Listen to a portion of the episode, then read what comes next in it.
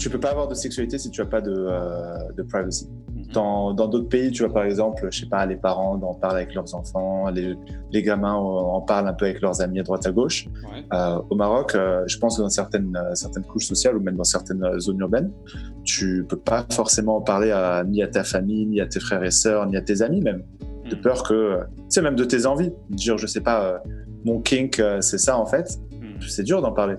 Et ah. c'est dur d'en parler, d'autant plus euh, avec le sexe opposé. Donc, euh, je pense que tu as une question d'isolement en fait qui se crée.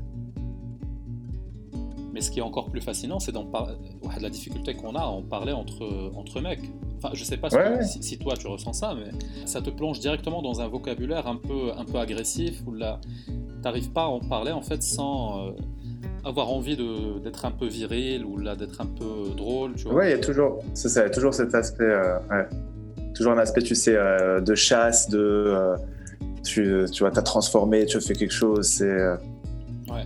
Et pas, pour être franc, je ne saurais même pas dire comment. T'as déjà comment est-ce que tu dis j'ai fait l'amour À part.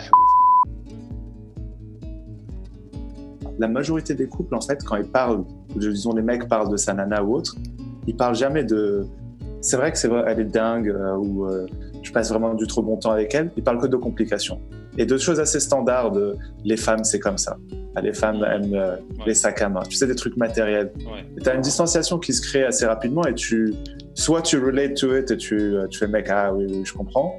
Soit, euh, un autre commentaire, c'est tu rentres dedans, quoi. Tu, bah, ouais, non, y a, je pense qu'il y a autre chose aussi dans la relation.